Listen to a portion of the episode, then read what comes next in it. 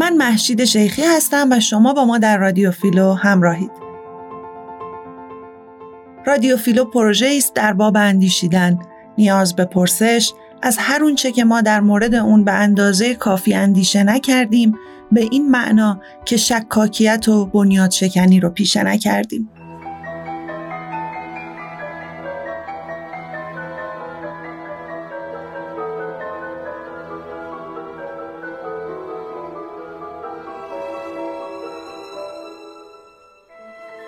من شهریار اشراقنیا هستم و در رادیو فیلو با شما همراهم. دوستان و همراهان درود.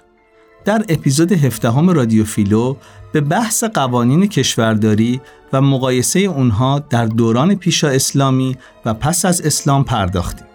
گفتیم در مورد ایران این امر عبارت است از قانون شایست و نشایست که در دوره اسلامی با دخل و تصرفی بسیار اندک به مفهوم معروف و منکر مبدل میشه.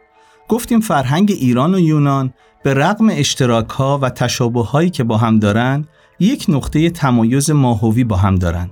تمدن یونانی تمدنی است بر پایه پرونده های باز که در اون یقینی در کار نیست و دیالوگ و همپرسگی نامتناهی به عنوان فضیلت کانونی درش حاکمه و روش توافق و قانونگذاری اجماعه ولی در ایران نقطه مقابل این نگرش یونانی ما با جریان شایست و نشایست مواجه میشیم. ایار تعیین مطلوبیت و نامطلوبیت هم منظومه مناسبات اجتماعی است که این نوع از تمدن رو بر پایه شاهنشاهی مبتنی بر فرح ایزدی، دین سرزمینی و حفظ تمامیت ارزی این سرزمین سرپا نگه میداره. وقتی ما وارد دوره اسلامی میشیم خیلی راحت شایست و نشایست مزدایی جای خودش رو به معروف و منکر اسلامی میده. گفتیم ما در دوره اسلامی با یک نقطه عطف مواجهیم و اون ورود مغوله.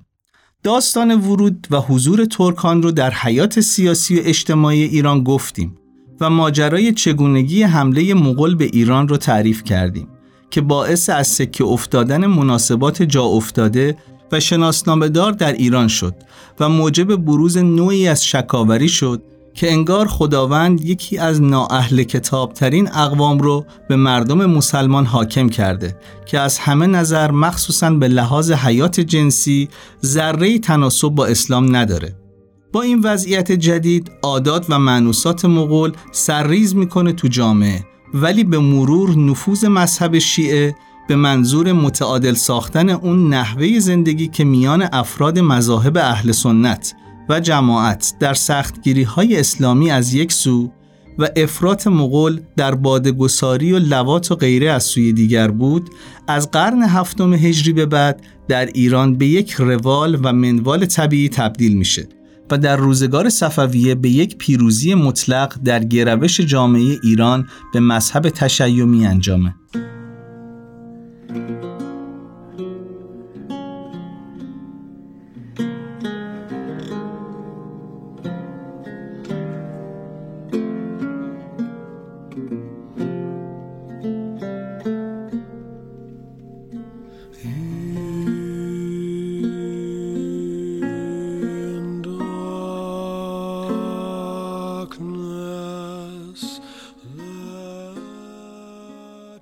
بسیار خوب همونطور که در اپیزود قبل وعده دادیم موضوع رو با مباحث مرتبط با ساختار سکسوالیته و نحو تنظیم روابط زن و مرد در ایران از آغاز دوران صفویه تا آغاز حکومت پهلوی ادامه خواهیم داد. اما برای درک بهتر یک مطالعه و نگاه تطبیقی میبایست داشته باشیم بین ایران و غرب. در همین دوران یعنی همین صده های 16 و 17 میلادی که دولت صفوی بر ایران حاکمه با همون ویژگی هایی که از خصلت های جامعه پسامغول برشمردیم ما در غرب با رونسانس طرفیم. حالا در باب فلسفه رونسانس، سیاست رونسانس و اقتصاد در عصر رونسانس حرف بسیاره ولی ما می‌خوایم اینجا رجوع کنیم به افکار زبانشناس و فیلسوف برجسته روس میخائیل باختین در رساله‌ای به نام فرانس و ربله و تاریخ خنده که مسئله رئالیسم گروتسک و کارناوال رو به عنوان منشأ پیدایش نحو جدید رابطه میان زن و مرد در تمدن اروپای بورژوایی آغازین مورد تفسیر و تعویل قرار میده. قبل از پرداختن به متن درخشان باختین و پیش از ورود به بحث لازم توضیحاتی داشته باشیم در مورد فرانس و ربله و مفاهیم گروتسک و کارناوال تا موضوع رو روشنتر و شفافتر بتونیم ادامه بدیم. اول به سراغ فرانس و ربله میریم که ادیب و نویسنده قرن پانزدهم و شانزدهم در دوره رونسانس در فرانسه بود. مهمترین اثر ربله رمان بزرگ گارگانتوا و پانتاگروئل در پنج جلده. این رمان کلیسا رو بر علیه او شوروند. گارگانتوا و پانتاگروئل به عنوان دو شخصیت اصلی داستان مشهورترین قولهای ادبیات اروپا هستند. بزرگ، قوی، با روحیه بالا، باهوش، پیشرو و دیوانه چیزهای خوب زندگی. گارگانتوا رساله یا جستاری نمایشیه در مورد آدمیانی که به راه کامجویی میرن و از رهروی اجتماعی ولو به صورت معلق خارج میشن و پس از بازگشت به اون مسیر اصلی زندگی اجتماعی دیگه اون آدمهای روز اول نیستن. می‌دونن که در آدمی فسقی پنهان و زهدی آشکار هست که حد فاصل این دو رو رندی پر کرده. ربله با یک معادل سازی به نسبت حافظ یا عبید زاکانی اندیشگر و نویسنده که رندی به معنای بددلی نسبت به واقعیات فرهنگ حاکم رو با زبان تنز و ریشخند مورد نقد و بررسی قرار میده و تبدیلش می‌کنه به یک اثر فاخر. کتاب گارگانتوا و پانتاگروئل نمونه که باید در بینامتن و پس زمینه متن یعنی با نگاه به متون و منابع دوران خودش مورد توجه قرار بگیره. اون بینامتن عبارت هست از متون متعلق به جنبش مورالیست ها که اگر بخوایم به اخلاقگرا ترجمش کنیم ره به خطا بردیم چون تنها چیزی که اتفاقا نداشتن اخلاق گروی بوده. ولی به نوعی روی مسئله مورالیته یعنی وجدان اخلاقی، صداقت، شفافیت و مواجه ساختن بشر با ظلمت کده ها و نهانخانه های زمیر نفس خودش و اون جان پریشانی که زیر پوست این نفس اجتماعی نقش پذیر داره زندگی می‌کنه دقت نظر داشتن.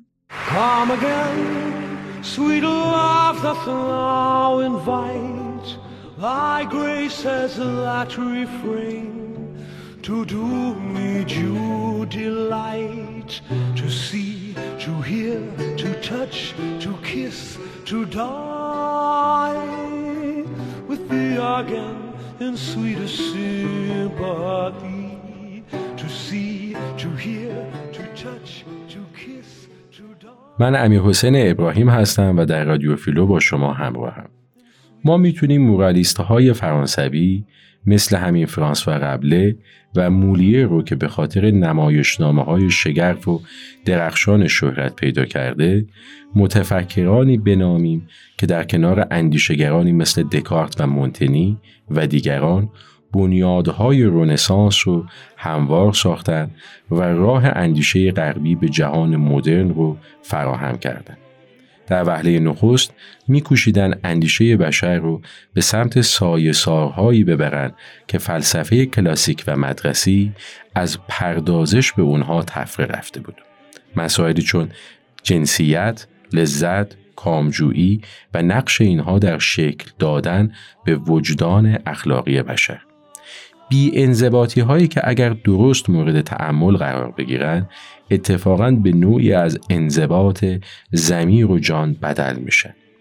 قبله که توسط زبانشناس و منقد فرهنگی برجسته میخائیل باختین در روسیه بسیار مورد مطالعه قرار گرفته زیل یک جنبش دیگری هم قرار می‌گیره به نام رئالیسم گروتسک توجه کردن به ابعاد واقعی و در عین حال حقایق کوچک و پیش پا افتاده زندگی بشری که به خصوص در همین کامجویی ها و ناکامی های عشقی و جنسی و شبیه اینها خودش رو نشون میده و این احوال و اسرار جهت میبخشه به اون چیزهایی که ما در سطح زمیر آگاه اظهار می‌کنیم یا گاه سانسور می‌کنیم.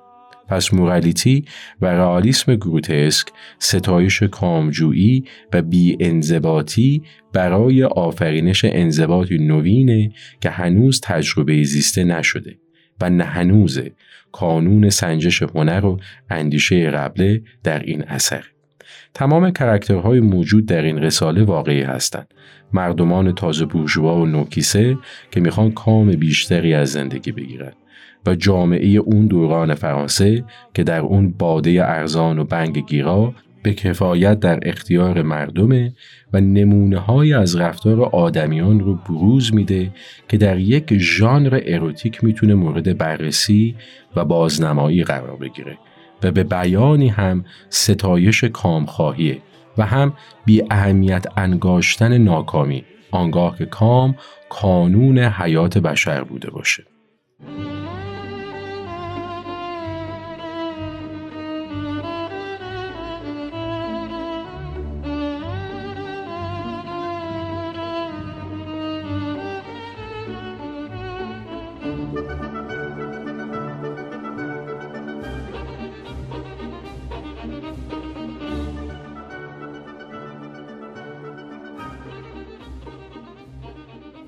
واژه گروتسک به معنی نمایش هرز های آدمی در زندگی واقعیه. نوعی از تنز در ادبیات هنر که بسیار به تنز سیاه شباهت داره ولی دارای تفاوتهایی با اون هم هست. در لغت هر چیز تحریف شده، زشت، غیرعادی، خیالی یا باور نکردنی رو گروتسک یا سوور عجایب میگن. در واقع گروتسک گزارش عجایب المخلوقات زندگی آدمیزاده. عجیب پردازی گروتسک مخاطب رو در میان دو نوع از حالات معلق می‌گذاره. تردید بین خندیدن یا وحشت کردن و بلا تکلیف میان مزهک بودن یا سیاه بودن محتوا. مشخص ترین این ویژگی ها در داستان کوتاه دوست ما آقای کولبی نوشته دونالد بارتلمی دیده میشه. ترجمه اون در ایران با نام بعضی از ما دوستمان کلبی را تهدید می کردیم منتشر شده. این داستان ماجرای رفقایی است که دور هم جمع شدن و تصمیم گرفتن در فضایی بسیار دوستانه دوستشون کلبی رو دار بزنن. داستان شرح گفتگو و برنامه ریزی های این عده است درباره چگونگی اجرای مراسم اعدام. در متن این داستان در جایی می‌خونیم اگرچه دار زدن کلبی تقریبا به طور قطع خلاف قانون است اما ما یک حق کاملا اخلاقی برای این کار داریم چون اون دوست ماست. از جهات گوناگون و مهمی به ما تعلق داره و تازه شورش رو هم در آورده. از سری هنرهای تجسمی با درون مایه گروتسک و تنز سیاه می‌تونیم به کاریکاتورهای رولان توپور اشاره کنیم. که کتابی از او با نام مستجر هم در ایران منتشر شده.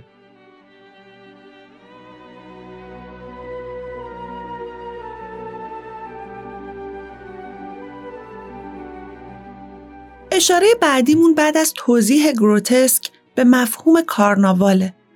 کاروان شادی یا شادپیمایی یک جشن یا به عبارتی رژه همگانی در خیابانه که همراه با اون عنصرهایی از سیرک بازی و رقصهای خیابانی آمیزه شده.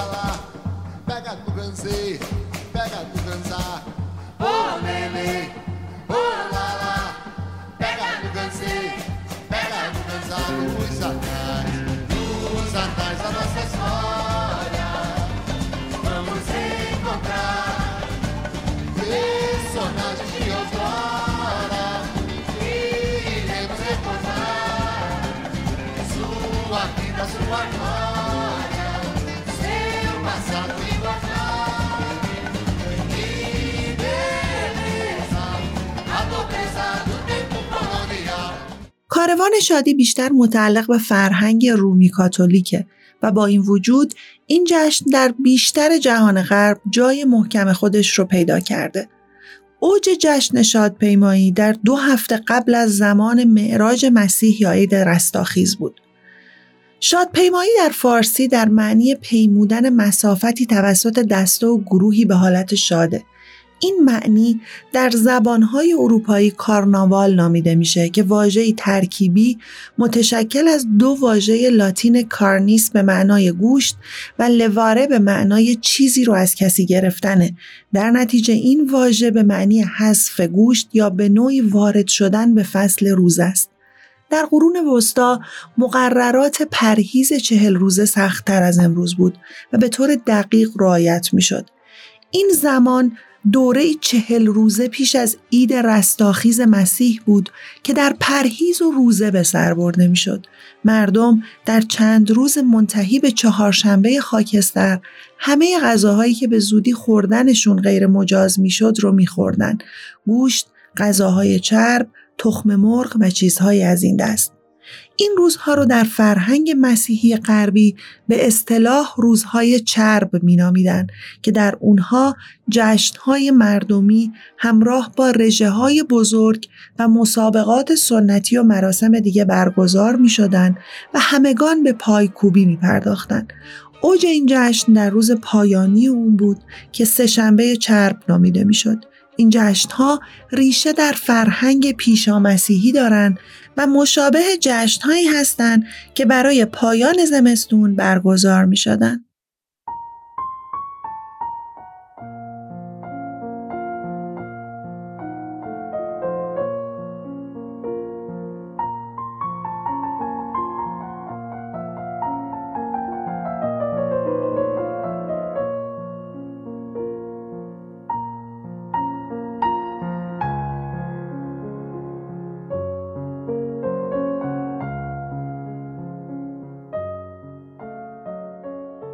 با این توضیحات می‌بینیم که ما در دوران رنسانس وجوه مختلفی از دگرگونی رو داریم و اینجاست که گسترش مذهب شک اهمیت پیدا می‌کنه. یک نوع رواقیگری در مقابل جزم اندیشی کلیسای کاتولیک از نوع قد علم می‌کنه که با شکلی از بازگشت به صورت نوعی زندگی یونانی و رومی هم هنگامه که شما می‌دونید این خصلت کانونی رنسانسه و همهنگام با زایش بشر انگاری یا اومانیسم.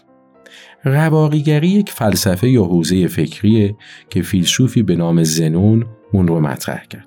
این حوزه فکری بیش از 400 سال در یونان باستان و روم رونق فراوان داشت.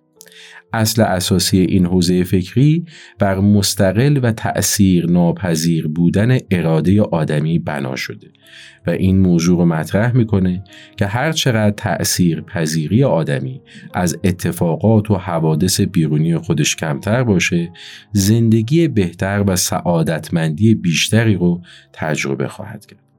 رواقیون معتقدند منشأ و عامل اصلی اکثر دردها، استرابها و استرسها ناشی از شکاف عمیق میان ترسها و امیدهای ماست. یعنی ما همواره در این فکر هستیم که اگر اون اتفاق بد بیفته و ما از حالت دلخواه و مطلوب خودمون که به رسیدن به اون امیدواریم فاصله بگیریم چه خواهد شد؟ این نوع سوالات ما را از نظر روحی دچار وحشت می‌کنن و راه حل این مشکلات دست شستن از هر امیدی و راحت کردن خوده. حوزه فلسفی رواقی به واسطه اندیشه های دیوژن در میان عموم مردم مغرب زمین گسترش پیدا کرد و ما این زمینه رو با نام کلبی مسلکی یا سینیسم می‌شناسیم. جملگی مسائلی که گفتیم ریشه در قلبه اسم اومانیسم بر تمدن غرب داره و در تقابل هست با تئولوژیسم مسیحی و شرعیات کلیسای کاتولیک روم که نهایتا هم به شکست این کاتولیسیسم از اومانیسم در انتهای داستان رنسانس منجر میشه.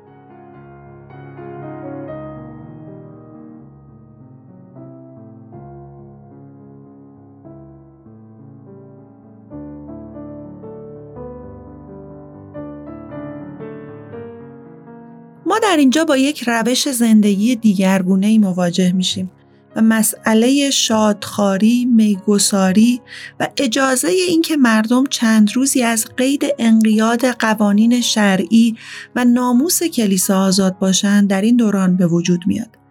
یعنی اون چیزی که حافظ در غزلی میگه به می سجاده رنگین کن در رئالیسم گروتسک اروپایی به یک واقعیت تبدیل میشه و واقعا مردم سجاده به می رنگین می‌کنن و این فرصت به وجود میاد که مردم به قیامت به اصول کلیسا و مسائلی از این دست به عنوان یک خلق دلغکانه و محدود در حد چند ساعت و حد اکثر چند روز بخندن و چیزی رو در این عالم جدی نگیرن.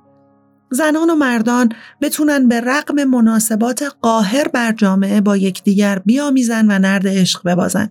این در کارناوال ها کم کم به یک واقعیت و روش زندگی تبدیل میشه با اینکه کارناوال بالاخره بعد از چند روز جمع میشه و مردم به نقش پذیری های واقعی اجتماعیشون برمیگردن ولی بالاخره آزادی روحی و ارگاسم جمعی در یک وضعیت دین زدوده و خارج از کنترل فرهنگ حاکم رو لاعقل به صورت موقت تجربه می‌کنن و این امر منجر میشه به اینکه یک نوع قلندریگری یا صوفیگری غربی شکل بگیره که اساسش اروتیسم و عرفانی مبتنی بر تجربه بدن خارج از انقیادهای معمول زناشویی و ضرورت تولید مثله و نهایتا به نوعی نیهیلیسم می‌رسه.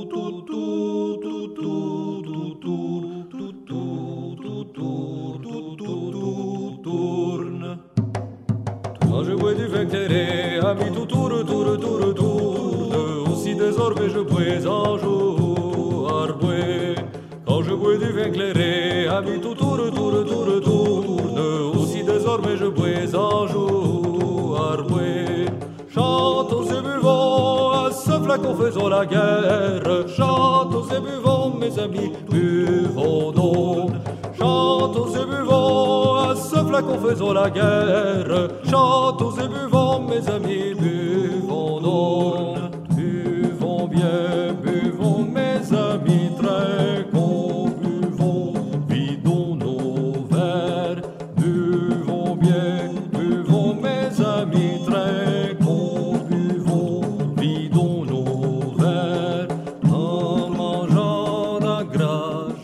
باید خاطر نشان کرد که سلطنت های مطلقه اروپا از برگزاری کارناوال ها سخت حمایت می کردن و درباریان به برگزاری این کارناوال ها سخت علاقمند بودند و چون اون رو راهی برای کاستن از قدرت کلیسا می دونستن.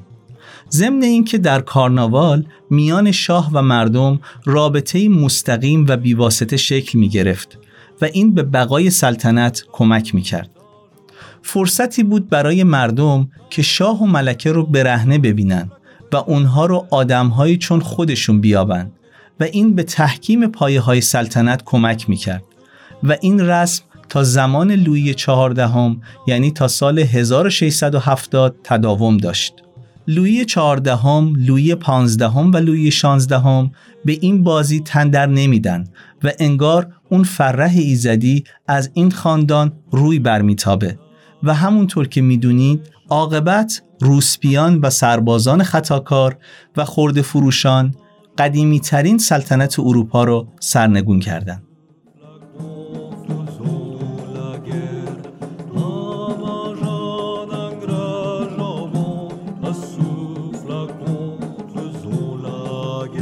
پس می‌بینیم که اگر ما آداب زهد و ریاضت و پارشایی رو در شرق اسلامی صده های میانه به عنوان ویژگی کانونی حیات شرقی داریم مسئله اباهیگری و آزادی روابط جنسی برای خروج از چرخه تولید مثل رو اتفاقا در صوفیگری و عرفان غربی دوره رنسانس پیدا می‌کنیم.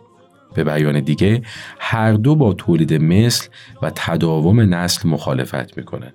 در شرق اسلامی قرون وسطایی این امر بر پایه زهد و ریاضت و لواته به عنوان مثال قطب الدین حیدر زاوگی که از قلندران مشهور صده هشتم هجری است لزوم مصرف هشیش و لبات رو برای اهل تصوف تجویز می‌کنه برای چی؟ برای نزدیکی به خدا. میگه اون بنگ باعث میشه شما از عقل و تمام اون خصلت‌های معال اندیش فاصله بگیری و لبات باعث میشه به زن که در واقع سمبل ابلیس هست پشت بکنی و این مردان خدا در یک پیکره واحد بر اساس المجاز و قنطرت الحقیقه این امکان رو پیدا می‌کنن که به خدا نزدیک بشن. دقیقا با ویژگی هایی که اونها رو مورد ملامت توده قرار میده. ولی در باطن اینها با این افیون و با این لبات مقدس گام به گام دارن به اون واقعیت قدسی و ملکوتی نزدیکتر میشه. البته شاه نعمت الله ولی با این احکام به شدت مخالفت کرده و اونها رو مورد نقد قرار داده و اینکه در تاریخ فرهنگ آمیانه جنگ های هیدری و نعمتی داریم اشاره به نام این دو صوفی در قرن هشتم هجری داره بسیاری از فقها که گرایش های حکمی داشتند و در رأسشون سید حیدر آمولی نقدهای جدی به این تلقی از عالم ملکوت وارد کردند و با این نظر که دنیا مزرعه آخرته تصوف رو بر اساس جهاد دونستند و نه بر اساس روحانیت و انزوا و غرق شدن در افیون در اپیزود 19 هم این مباحث رو بیشتر بحث میدیم و ادامه خواهیم داد.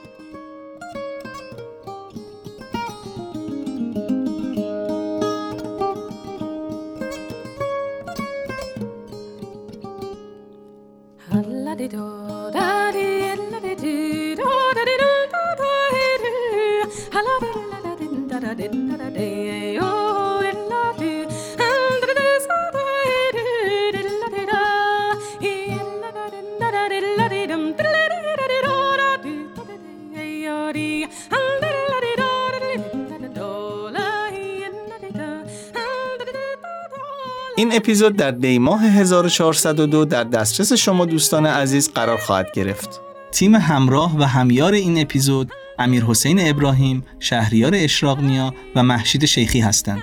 ضبط پادکست و میکس و mastering در اسفندیار استودیو صورت پذیرفته. ما رو در اینستاگرام و کانال تلگرام رادیو فیلو می‌تونید دنبال کنید که در اونجا بخش هایی از محتوای مربوط به هر اپیزود رو برای شما به اشتراک می‌گذاریم.